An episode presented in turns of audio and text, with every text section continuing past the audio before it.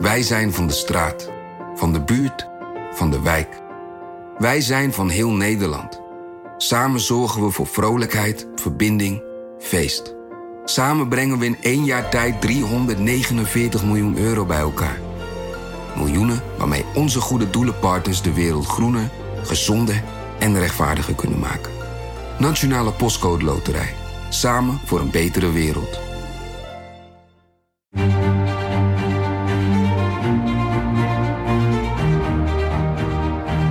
Mijn naam is Lemia Aharouai en dit is Haagse Zaken Goes Brexit.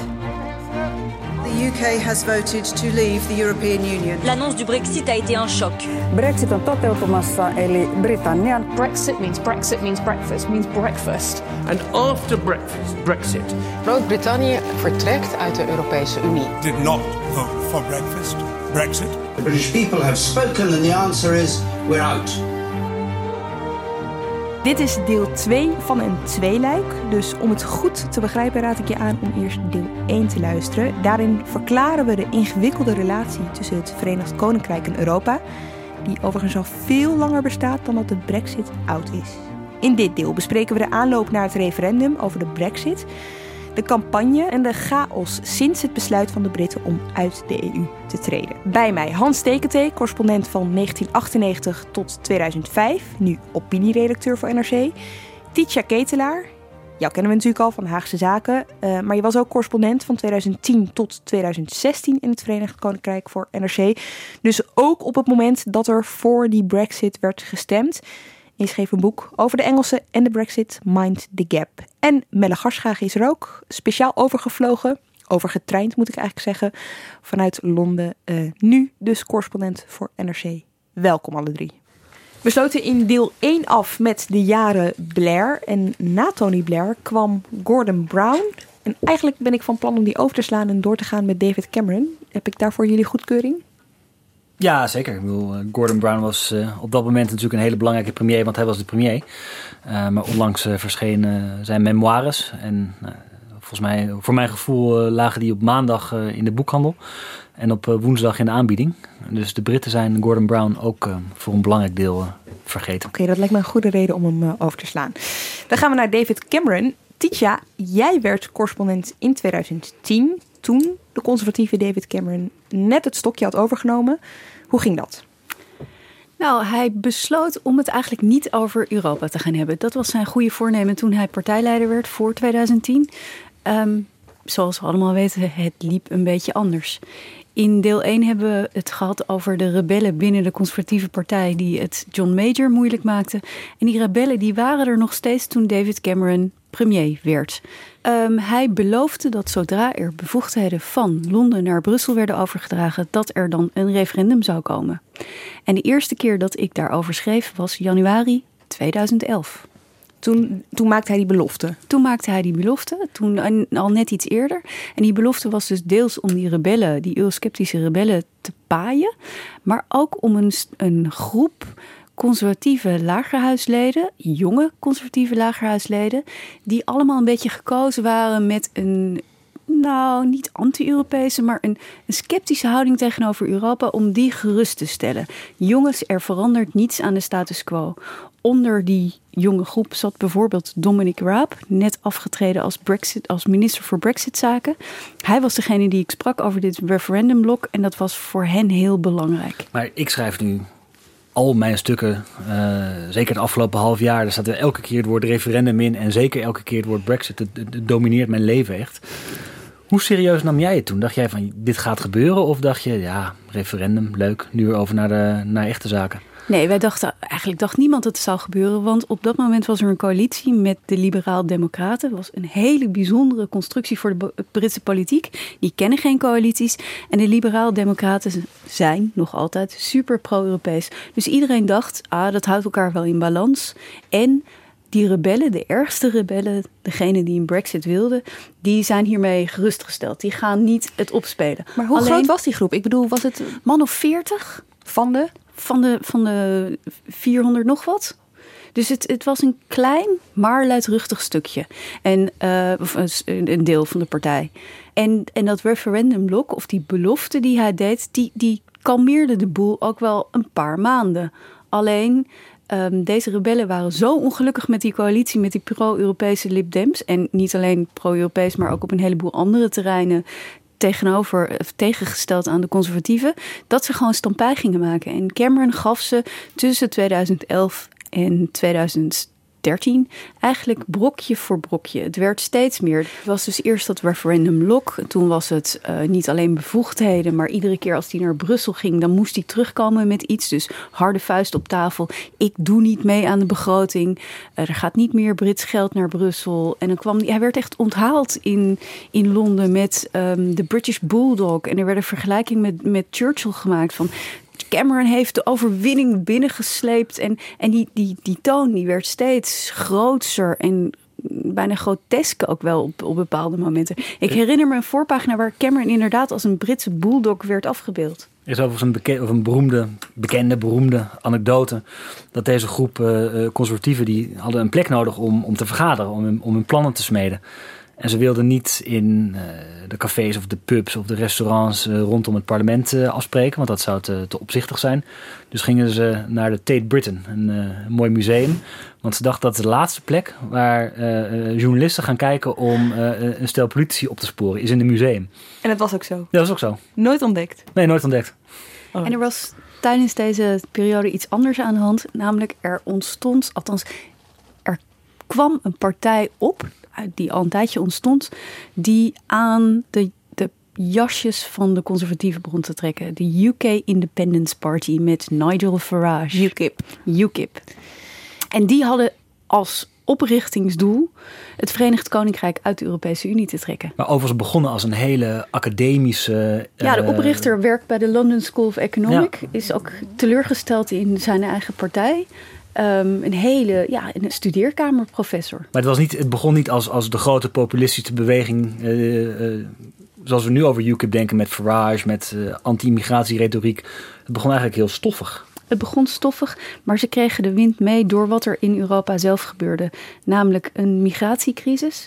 En het tweede wat er in, bij de Britten zelf gebeurde, was een roep om migratie te beperken.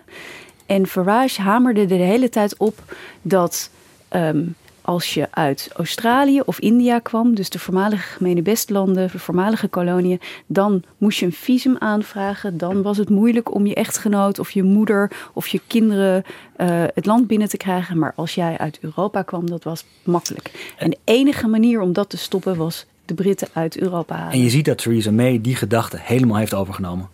Uh, migratie beperken is haar persoonlijke Brexit-obsessie geworden. En ze zei het eh, onlangs ook. Ze zei, ze in een toespraak: uh, na de Brexit hebben wij weer een eigen migratiebeleid.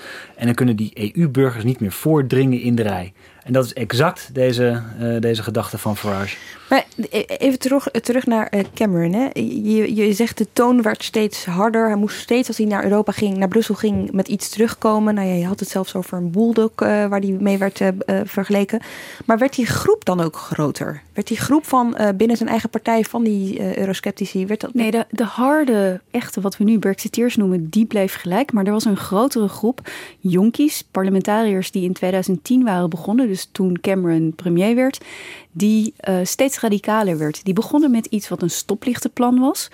Um, Rood was dingen die ze absoluut niet wilden van de Europese Unie, dus die ze geschrapt wilden zien. Oranje, dingen waarover ze opnieuw wilden onderhandelen.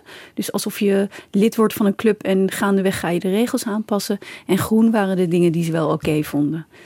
Um, en die groep, die is hij gaandeweg verloren. Ja, en hij is dus steeds meer uh, brokjes gaan toewerpen om ze maar uh, gerust te stellen. Tot dat moment suprême, zou je wel kunnen zeggen, waarop hij zei: jongens, dan maar een referendum. Dan maar een referendum. Ja, nou, ik wil wel iets zeggen, want hij, Cameron heeft natuurlijk ook wel eigenlijk uh, verzaakt, waar ook zijn voorgangers, inclusief linkse voorgangers, verzaakt hebben, namelijk om de mythes over de Europese Unie, die uh, door de tabloids werden gevoed, dus uh, de verplichting om uh, voortaan alleen maar rechte bananen te hebben, om die tegen te spreken. En ik heb dat altijd verschrikkelijk gevonden. Dat, dat de, de, de mythes die, die door Boris Johnson bijvoorbeeld, die was, was journalist voor de Telegraph in mijn tijd. En die schreef, die schreef ja, grappige stukjes uit Brussel. Maar dat, die stonden bol van dit soort gekkigheid. En wat, um, dus die hadden moeten worden tegengesproken, die, die dingen. En dat, in dat tegenovergesteld, het echte verhaal van de Europese Unie. Dat uh, het was natuurlijk niet de Unie tegenover de Britten, want de Unie daar hadden de Britten ook een stem. Die allerlei beslissingen die Europa nam, die waren mede door de Britten genomen. Ja, maar wacht eens even. Kijk, als, eh, dat, dat geldt voor iedere Europese leider. Op het moment dat een Europees leider in Brussel is, dan is er één stemming en dan komen ze terug in hun eigen hoofdstad. En dan is het, het moet van ik Brussel. heb geknocht voor, of het moet van Brussel. We Ja. moeten dit maar slikken, want inderdaad is het bij de Britten maar- net een tandje Maar als erger. Cameron echt gewild had, had hij dat echte verhaal eh, beter kunnen vertellen. Ehm, de voordelen van de Europese Unie, die we allemaal elke dag meemaken, zoals goed, goedkoop vliegen en goedkoop telefoneren. En de zekerheid dat als je een stuk kinderspeelgoed koopt, dat de, de, de verf daarop niet giftig is. Dat zijn allemaal te danken aan de Europese regels. Eh, maar ja, die vinden we nu vanzelfsprekend. En de Britten vinden die ook vanzelfsprekend. Als ze met vakantie gaan naar Spanje, vinden ze het normaal dat hun ziektekostenverzekering daar geldt, dankzij Europa. Alleen niemand zegt het en het wordt onzichtbaar en vanzelfsprekend. Melle.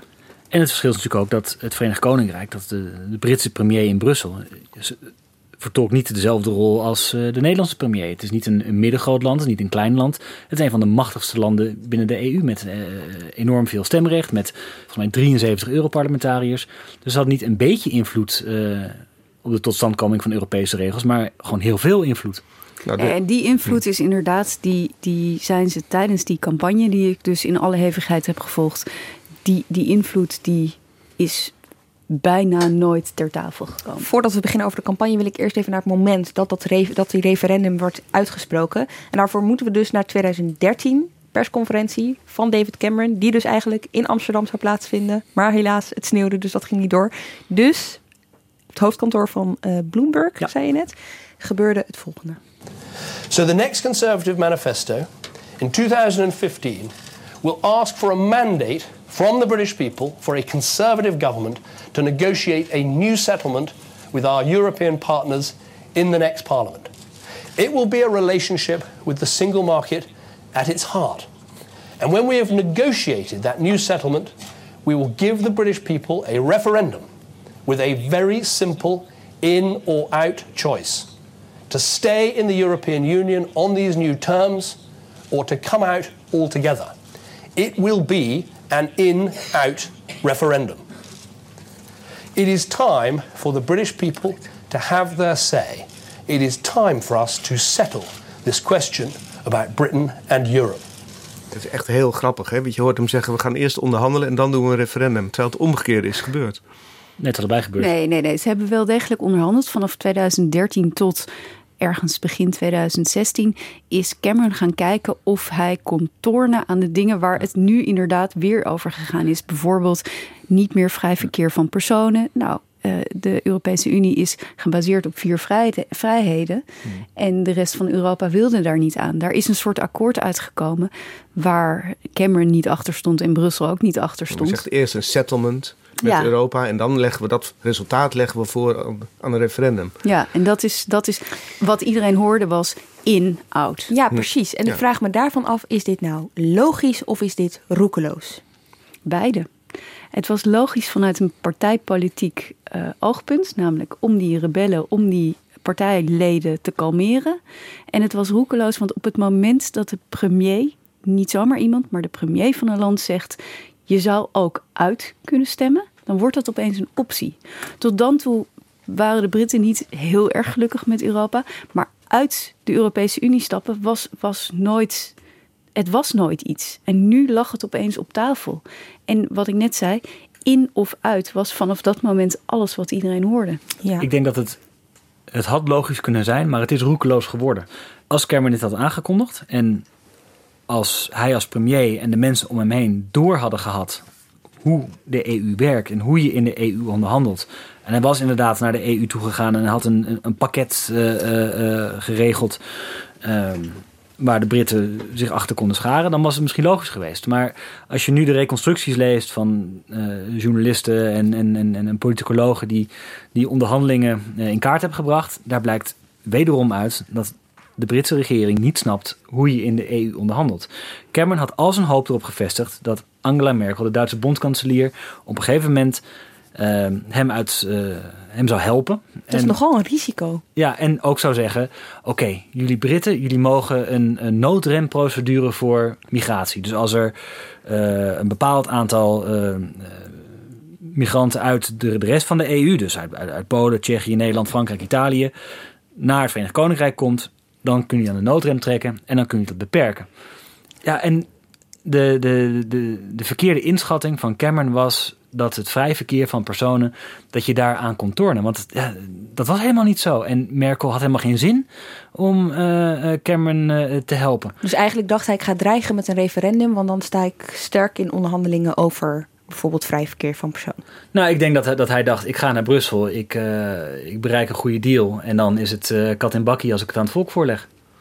Zo, het- zo tre- treden de Britten in Europa tot dan toe op. Hè? Gewoon eh, naar buiten toe met een beetje bluff. En we, gaan, we maken een regeling. En dat was de regeling die, die, ze wel, die ze wel wilden...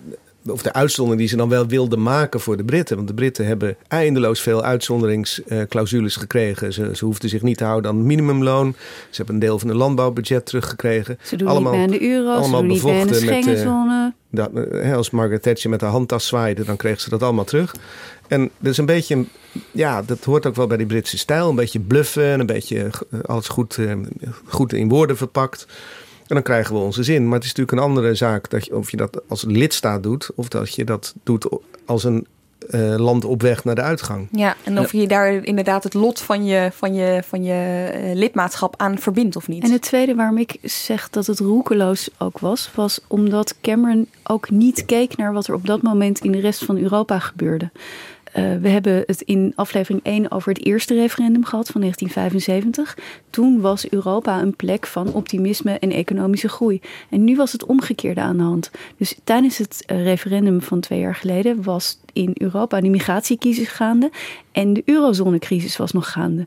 Dus die Britten die keken over het, kanaal en keken naar wat er in de rest van Europa gebeurde, als ze dat al deden, en zagen daar, zagen daar een puinhoop. Waarom zeg je als ze dat al deden? Ehm, nou, ik heb regelmatig moeten uitleggen dat een Dutch journalist niet uit Denemarken komt. Om maar even, even heel plat te zeggen. hebben jullie dat ook vaak moeten doen? Hans? Mm, nou, niet zo vaak, maar er waren natuurlijk wel. eh, Er zijn vrij veel Britten met een vakantiehuisje in eh, Frankrijk, in de Dordogne. En eh, aan twee kanten van de kanaaltunnel is natuurlijk. Hè, er is woon-werkverkeer door de kanaaltunnel. En er zijn veel Britten die met pensioen gaan in Spanje. Dus het is niet, ze kunnen niet doen alsof eh, ze nog nooit van Europa gehoord hebben, zou ik zeggen. Maar ze kijken liever naar de VS. Wat mij vaak opvalt is ook als je de, de Brexiteers spreekt. Die zeggen, ja maar wij houden van Europa. We zijn één familie. En dan hebben ze het altijd over Franse wijn en Franse kaas. Hmm. Het, ze zien altijd, of ze zien vaak eh, het Europese vasteland als een plek om op vakantie te gaan. Om, eh, waar ze kunnen uitrusten, eh, waar het leven goed is. Maar ze zien het niet als, als politiek project. Ja, maar stikt genomen is dat ook zo. Ze kunnen niet weg uit Europa. Ze, ze liggen waar ze, waar ze liggen. En de Europese Unie is een, is een, eh, ja, een, een bestuurlijk ding. En heeft heel weinig met de Europese cultuur of de, het Europese landschap of zo te maken. Waar de Nee. Britten wel degelijk deel van Maar jij, jij, jij weet ook dat, dat, dat, dat buiten de, de grote steden en misschien eh hoogopgeleide of mensen die toevallig eh, aan een echtgenoot zijn gekomen in een ander Europees land, sp- spreken ze niet veel talen over de grens. Dus de, de, de affiniteit met, met, met de Verenigde Staten, met Australië, met Nieuw-Zeeland is gewoon op een bepaalde manier groter dan met eh, Frankrijk, Duitsland, Nederland. Ja, die taal is natuurlijk een eh, groot ding. Ook En- vrij ironisch dat als de Britten nu weggaan uit Europa, waarschijnlijk het Engels toch als de gemeenschappelijke taal van de Europese Unie zal eh, blijven bestaan. Tietja? Nou, ik kwam tijdens het referendum kwam ik ook gewoon mensen tegen die geen paspoort hadden, die geen enkele behoefte hadden om naar Europa te reizen. Of naar die Franse tweede huisjes of eh, eh, Italië. Ehm, dat, dat kwam niet eens in ze op om, daar, om, om weg te gaan uit hun eigen land. Maar om even terug te keren naar de politiek. Eh, er is een mooi boek van de oud eh, spindokter van, ehm, eh, van Cameron. Of eigenlijk moet ik zeggen ho- hoofdwoordvoering. Ehm, en hij schrijft op een gegeven moment... elke keer als we naar Brussel gingen, dan was het eten zo vies. En ik ken Brussel als een stad waar je heel lekker kan eten. Maar als ze zelfs niet de goede restaurants konden vinden... Ja, dat zegt toch wel dat ze echt Brussel niet begrijpen. Ja, precies. Op basis van eten kun je die conclusie wel trekken, inderdaad. Op Ehm, eh, goed, eh, het- terug naar Cameron die dat referendum uitroept. En dan ontstaat er al redelijk snel ontstaan er twee kampen, Tietja. Nou ja, Leave en Remain. Er ontstaan redelijk snel twee kampen. Er, er was al één kamp, het Leave-kamp, het kamp van de Brexiteers. Die Brexiteers die waren er dus altijd al. Die heten toen nog niet zo. Ik weet nog dat in een van mijn eerste stukken hadden we het over Brexit, dus met een I, B-R-I-X-I-T. Oh ja? Dat was hoe de Economist het had genoemd. Naar aanleiding van Grexit, weet je nog? Griekenland ging uit de eurozone. Daarna werd het Brexit. Het is wel grappig dat je het zegt over Brexit en Brexit. Je hebt nu een, eh, een mooi boek geschreven door Jonathan Coe, een eh, roman over eh, de Brexit-jaren. En op een gegeven moment ehm, eh, laat hij eh, een discussie ontstaan tussen twee van zijn eh, hoofdpersonages. Waarop de een zegt, ja, hoe noem jij het? Ja, Brexit. Brexit, Brexit. De officiële naam is toch Brexit? En voor mij is dat heel gek om terug te lezen dat er iets anders bestaat dan, dan Brexit. eh, terug naar die Brexiteers, die groep was er dus altijd al. Dus die waren up and running, die hadden UKIP bij zich. Dus de, de coalitie van mensen die uit de Europese Unie willen, hadden veel sneller hun verhaal, verhaal klaar dan de Remainers, de mensen die wilden blijven. Dat duurde heel lang voordat die een verhaal hadden. En ik weet nog dat een van hun ehm, mensen, die kwam een keer praten met een, met een groepje Europese journalisten, tot wie ik hoorde. En, ehm, Van de Remainers? ja, van de Remainers. En wij luisterden ernaar en ik weet nog dat ik wegliep en dacht... als dit is waarmee ze gaan campagne voeren... nou, dan moet ik nog maar zien of ze gaan Waarom? winnen. Neem ons eens mee, wat hoorden jullie daar? Het, het was eh, geen, geen visie over wat Europa dan moest zijn voor de Britten. Het ging alleen maar over ehm, handel. Het ging niet over emotie. Terwijl we hadden ook Brexiteers gesproken. En daar ging het voortdurend over emotie. Daar ging het over de macht terugkrijgen. Daar ging het over wij als wereldmacht. Daar, daar waren... ehm, Het was een positieve insteek. Het terwijl was een bij de insteek. Remainers was het een doemscenario dat ze schetsten. Wat Ja, en in het begin meer- was het nog niet eens een doemscenario. Was het, was het gewoon een... Geen Oh mijn god, waar moeten we heen? We, weten, we hebben een referendum en we weten niet hoe we Europa moeten verkopen. Zeg maar gillend door elkaar heen rennen. Ja. Oké, dan komt die uitslag. En inderdaad, Leave wint. Het kan geen verrassing meer zijn eh, voor eh, wie nu luistert. Met 51,9% van de stemmen. Dus de brexit wordt een feit. En dan, hoe groot is dan die schok? Enorm. Het was, het was ehm, jij zegt nu, wie nu luistert, die kan niet anders op de gedachte zijn gekomen. Maar de meeste mensen dachten, nou ja, die Britten die zullen toch wel op het laatste moment, als ze in het stemhokje staan, toch wel voor de status quo stemmen. Maar ik weet nog dat ik een paar dagen voor het referendum in Folkestone was. En ik sprak daar. Wat is dat? Een, Folkestone is een havenstad. Het is de enige stad in het land dat verbonden is met. Of oh, de enige stad op het Britse eiland, moet ik zeggen, dat verbonden is met Europa. Namelijk de, de kanaaltunnel komt daaruit. En, 55 eh, kilometer. 55 kilometer. Eh, ze, ze zitten vast aan, eh, aan Frankrijk. En ehm, daar sprak ik zelfs, zelfs een mevrouw die een poffertje, een Nederlandse poffertjeskraam had, die ging voor Brexit stemmen. En ik weet nog dat ik in de trein terug mijn moeder belde en zei: Ze gaan het gewoon echt doen. Ze gaan gewoon echt voor Brexit stemmen. Maar dan nog, op het moment dat je dus die ochtend om vijf uur hoort dat ze het echt gedaan hebben, ja, een schok. En dan blijkt ook dat er niet bepaald een plan is. Nee. Ehm, die ochtend ging ik dus bellen met eh Brexiteers, want die hadden gewonnen. Met de vraag, en wat nu? En tijdens de hele campagne hadden ze gezegd, eh, nou, er is geen plan. En de regering had gezegd, er is geen plan B, er is geen plan B. En ik had met een te Hollandse bril op steeds gedacht... Ja, dat zeggen ze alleen maar tegen een, een Nederlandse journalist... omdat ze niet prijs willen geven dat er natuurlijk een plan B klaar ligt. Ieder fatsoenlijk land heeft een plan A en een plan B. Maar het plan was er niet. Dat bleek ook toen Britse journalisten erover begonnen, hè Melle? Ja, dit, dit, vind ik zo'n fantastisch fragment. Uh, is van Faisal Islam, de, politiek, uh, ja, de belangrijkste politieke journalist van Sky. Um, en dit is echt uur, een paar uur na, na de referendumuitslag. Het is net weer licht. Uh, iedereen zit een beetje verweest te wezen wat er, wat er is gebeurd. En dan, um, dan gaat hij uitleggen wat, wat de plannen van, van de Brexiteers zijn. I just wanted to bring you this quote from a uh, more generally, which is perhaps more relevant. This comes from a con- Conservative leader MP who I think will be backing Boris Johnson in the leadership contest. He told me this. He said, "I said to him, so where's the plan? Can we see the Brexit plan now?" There is no plan. The Leave campaign don't have a post-Brexit plan. And, and he was pointing over there to where the Vote Leave HQ was, and he, then he pointed over there and he said, number 10 should have had a, a plan. Now, it sounds like I'm making that up. That literally happened two hours ago. So, uh, and I've said this before, the person with the most thought through plan, as evidenced by the past 48 hours, is astonishingly Nicola Sturgeon, the First Minister of Scotland. Oké, even cynisch gezien, hè. Je kan ook zeggen, deze mensen die wisten dus niet wat er speelde in het, bij het volk. Welke mensen? Nou, dus de, de, de, de- de- hij, hij verwijst zelf naar Downing Street eh, number 10, weet je wel. Maar dit, gewoon politiek gezien, blijkbaar wist, wisten ze niet wat er speelde bij dat volk. Nou ja, erger. Er zijn dus Brexiteers die al voor een Brexit-campagne voeren sinds de Britten lid waren geworden. En die dus 40 jaar lang hadden gehad om een plan te hebben over wat er daarna gebeurde. En geen plan hadden op het moment dat gebeurde waar ze altijd van droomden. Maar zelfs Nigel Farage, toen de, de stembussen gesloten eh, waren, in hols van de nacht, had hij gezegd: Beste mensen, eh, hij sprak zijn aanhang toe. We hebben een goede campagne gevoerd en waarschijnlijk hebben we niet gewonnen. Maar we hebben ons eh, eh, kranig geweerd. Dus hij, hij dacht zelf ook: geen kans dat we winnen. Hoe komt het dan dat het toch gebeurt? Nou ja, Zoals de, zoals de eh, Brexiteers dachten, we gaan dit niet winnen. Zo dachten een heleboel andere eh, mensen. Dachten, nou ja, dat is kat, kat in het bakkie misschien net. Maar eh, het is eigenlijk, eh, staat wel vast dat het, een, eh, dat het een blijven wordt. En er zijn heel veel jonge mensen die eh, om die reden gewoon niet, zijn, eh, niet hun stem zijn gaan uitbrengen. Nou, dat niet alleen, maar eh, er is een belangrijke reden, denk ik, waarom Britten, eh, zeker oudere Britten, wel zijn gaan stemmen. Als je kijkt naar het Britse partij, of de kiesstelsel, dat is in kiesdistricten en het is winner takes all. Dus first past the post heet het. Je stemt, ehm, eh, eh, de, je lagerhuislid, je parlementariër wordt de winnaar in jouw kiesdistrict. En er zijn kiesdistricten die nooit van partijkleur zijn veranderd. Dus niet iedere stem telt per se in een gewone Britse verkiezing.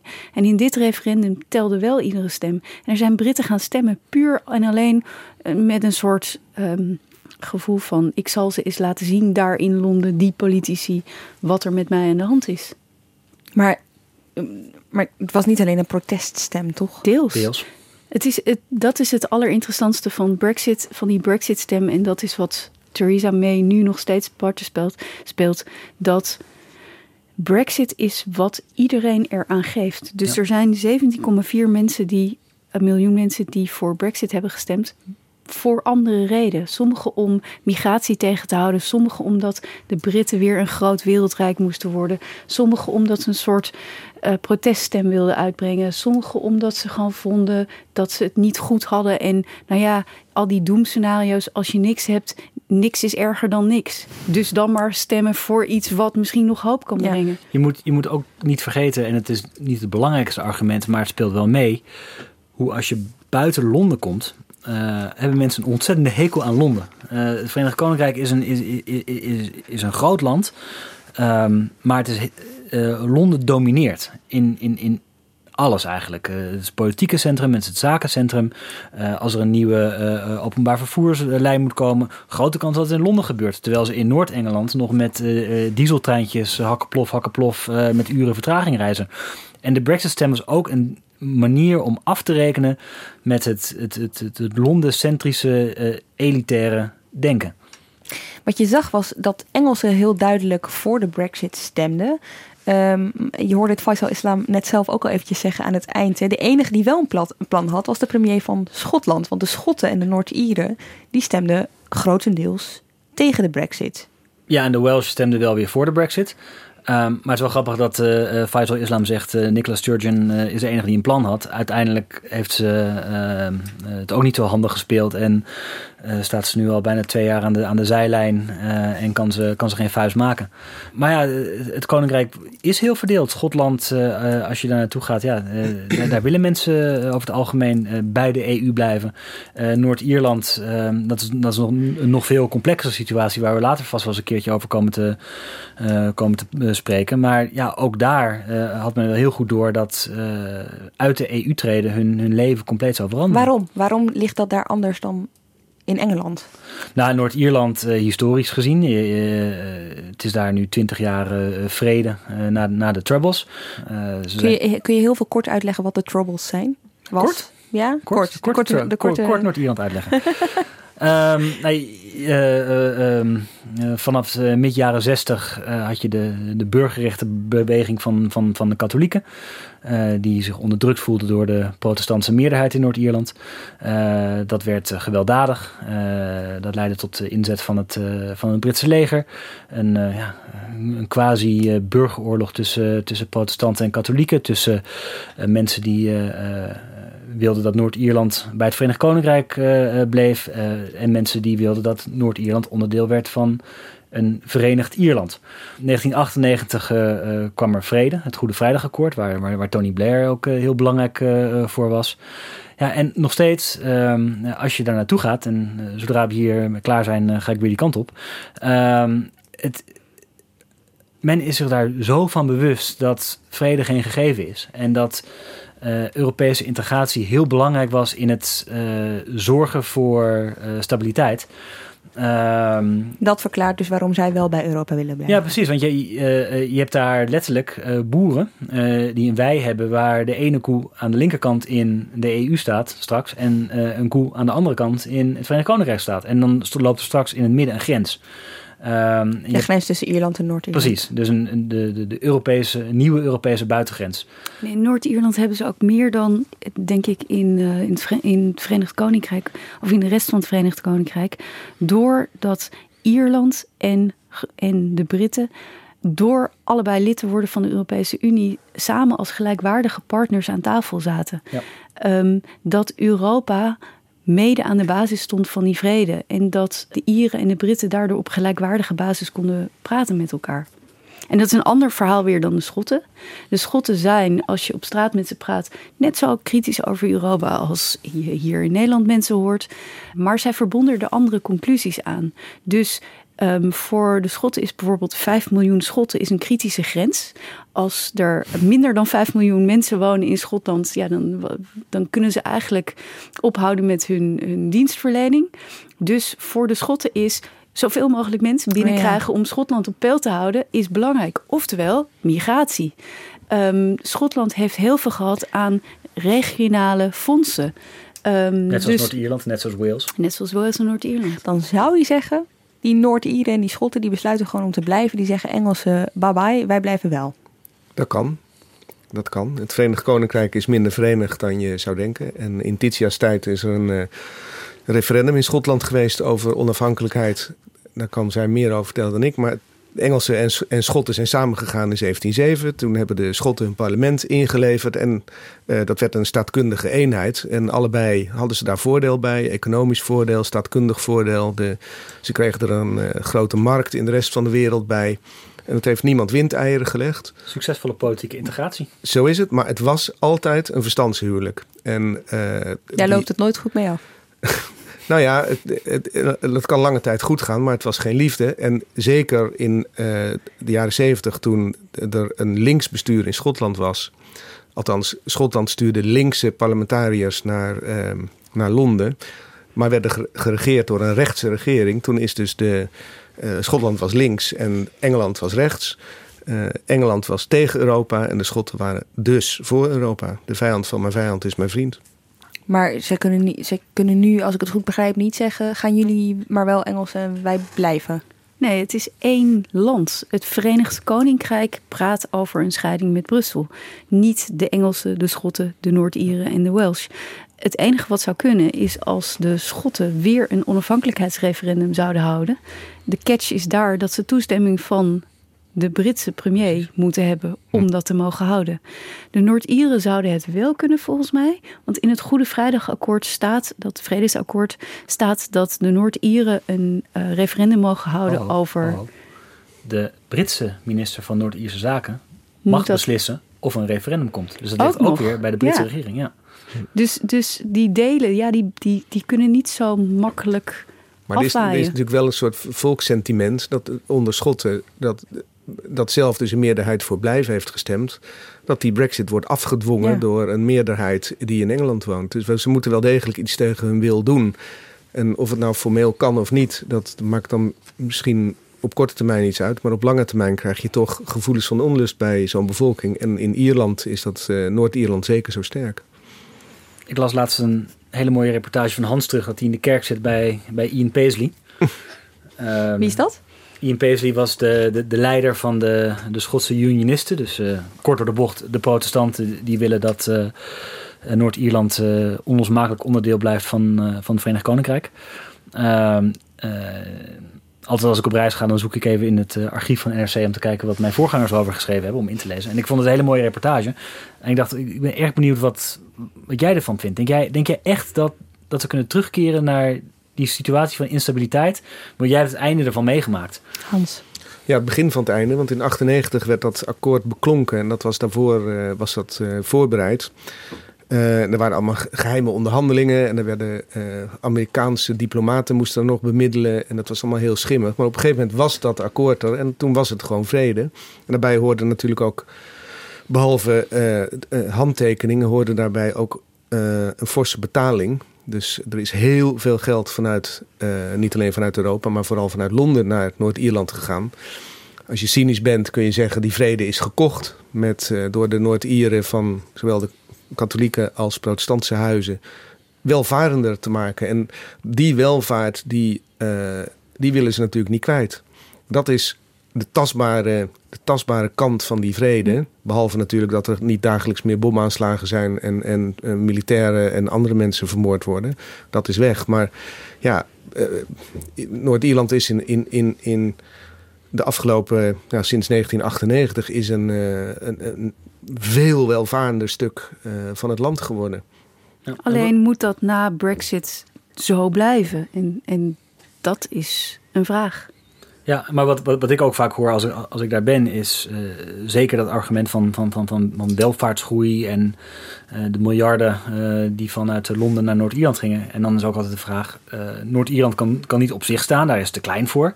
Dus dan is de andere optie eventueel om een Verenigd Ierland ehm, op, te, op termijn te regelen. Maar dan wordt de vraag: is Dublin de hoofdstad van Ierland? Is de Ierse regering bereid om evenveel geld uit te trekken om Noord-Ierland uh, erbij te houden? Oké, okay, terug naar nu. Die Brexit, uh, het, echt het uittreden is over zo'n 110 dagen. Er is nu een soort van akkoord. Mee moet dat de komende tijd in haar eigen land gaan verdedigen. Ik, ik ben eigenlijk wel benieuwd te horen van Melle um, of hij vindt dat die uh, periode van die, die politieke onzekerheid die we nu achter de rug hebben, of waar we nu middenin zitten, moet ik eerlijk zeggen, um, of die misschien bij Britten ook geleid heeft tot uh, een andere kijk op de Europese Unie. Hebben ze eigenlijk iets geleerd? Want ze hebben altijd de Europa als een soort karikatuur gezien. En hebben ze nu misschien ontdekt dat het een, ja, een grote uh, onderhandelingsmachine is, uh, een machtige. een machtig blok dat je niet uit elkaar kan spelen. Is het een soort van ook een soort ontnuchterende periode geweest, misschien in jouw idee? Ik, ik, denk in ieder geval dat uh, de afgelopen 2,5 jaar in het Britse politieke debat, uh, in, in, in de kranten, op televisie, heeft echt wel een spoedcursus uh, Europese Unie plaatsgevonden. ik denk dat in geen enkel, enkele andere EU-lidstaat uh, misschien Griekenland uh, tijdens de financiële crisis. um, maar dat, dat het zo vaak en zoveel en in zulk detail, op zo, zulk detailniveau over de EU ging, dat is ongekend. Maar of ze dan erop terugkijken en denken we moeten het anders doen, ja, dat betwijfel ik. Je, je, je merkt wel heel erg waar de, uh, waar de gaten gaan vallen. Mm. Uh, de Britten willen straks na de Brexit uh, handelsakkoorden met de rest van de wereld gaan onderhandelen en, en, en sluiten. En Global Britain noemen ze dat. Maar ze hebben geen onderhandelaars. Want de EU heeft 40 jaar lang die akkoorden voor ze onderhandeld. Dus er zijn gewoon geen experts die genoeg kennis hebben van, van internationaal handelsrecht om dit te gaan regelen. Dus de, de gaten worden duidelijk. Maar tegelijkertijd, ja, uh, als je naar de opiniepeilingen kijkt. Het land is nog steeds ongeveer 50-50 uh, verdeeld over of ze nou wel of niet bij de EU moeten blijven. Dat betekent dat het als. Je hebt een paar keer geschreven dat er misschien toch nog wel een tweede referendum kan komen op een bepaalde manier. Denk je dan dat, dat niet alleen of die stemming anders uitpakt, maar ook of Britten geïnformeerder die keuze maken? Ja, ik denk het wel. Ik denk wel dat ze die, dat ze die keuze geïnformeerder maken. Maar ik denk ook dat de emoties eh, bij een nieuw referendum nog hoger zullen oplopen dan bij een vorige. Want dan, dan, dan heb je niet alleen over de inhoud en over wat de EU doet. En dat is allemaal wel vrij helder uitgelegd. Maar bij een nieuw referendum ga je ook aan kiezers eh, vragen om terug te komen op een eerder besluit. En dat ligt heel erg gevoelig. Eh, zoals een, eh, een lagerhuislid van, eh, van Labour tegen mij zei. Hij vertegenwoordigt Stoke-on-Trent, een eh, oude industriestad, eh, hoge werkloosheid, eh, vrij, vrij treurig geheel.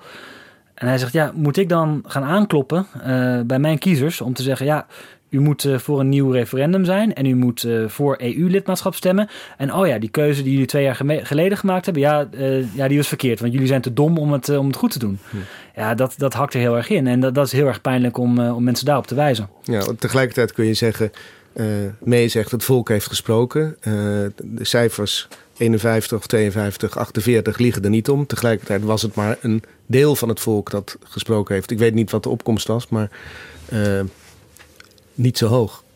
De opkomst was hoog. Hoog, was ja. hoog. Ja. En zeker in- 72,2 procent. Ja, Hoger dan kamer dan lagerhuisverkiezingen volgens mij. en, en zeker in gebieden waar Brexit is gestemd, was de opkomst heel ja, ja, hoog. ja, nee, dat wel. Ja. Dus ehm, wat je zou kunnen krijgen is dat in gebieden waar Remain werd gestemd, mensen nu zo aangewakkerd en opgepoord zijn dat ze gaan stemmen. Maar Is speculeren. dat is speculeren. Laten we eindigen met waar we eigenlijk deel 1 mee zijn begonnen van eh, deze eh, reeks. En dat is dat eilandgevoel waar jij mee begon, eh, Hans.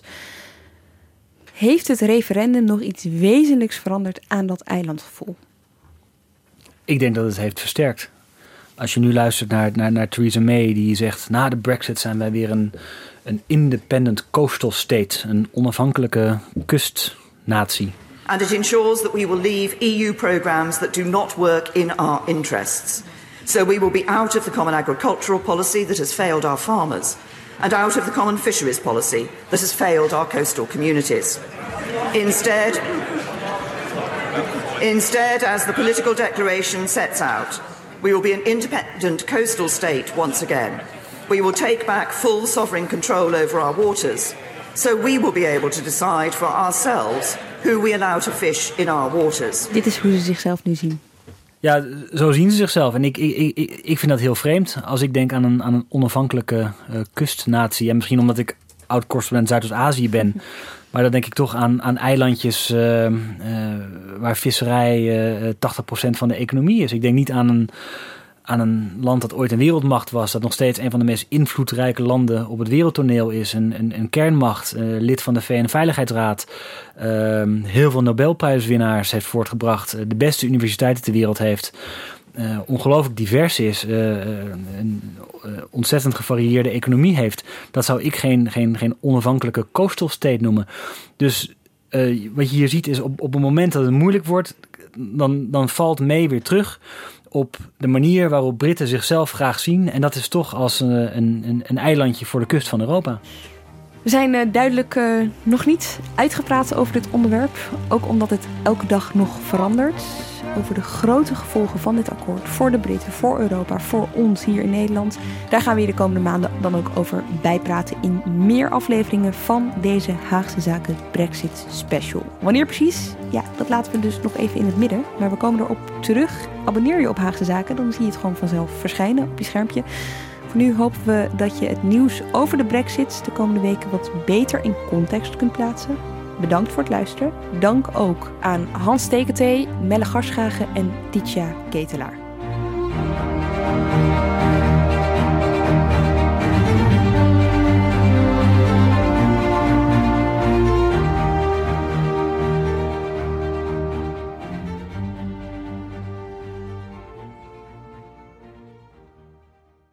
Wat weet ik eigenlijk van die nieuwe leverancier? Ik heb die spullen wel echt nodig. Gaat hij straks wel leveren? Ik weet niet eens hoe lang die bestaat. Weten met wie je wel of niet veilig zaken kunt doen? Check kvk.nl voor belangrijke ondernemerskennis. Zoals info over een nieuwe handelspartner. KVK, hou vast voor ondernemers.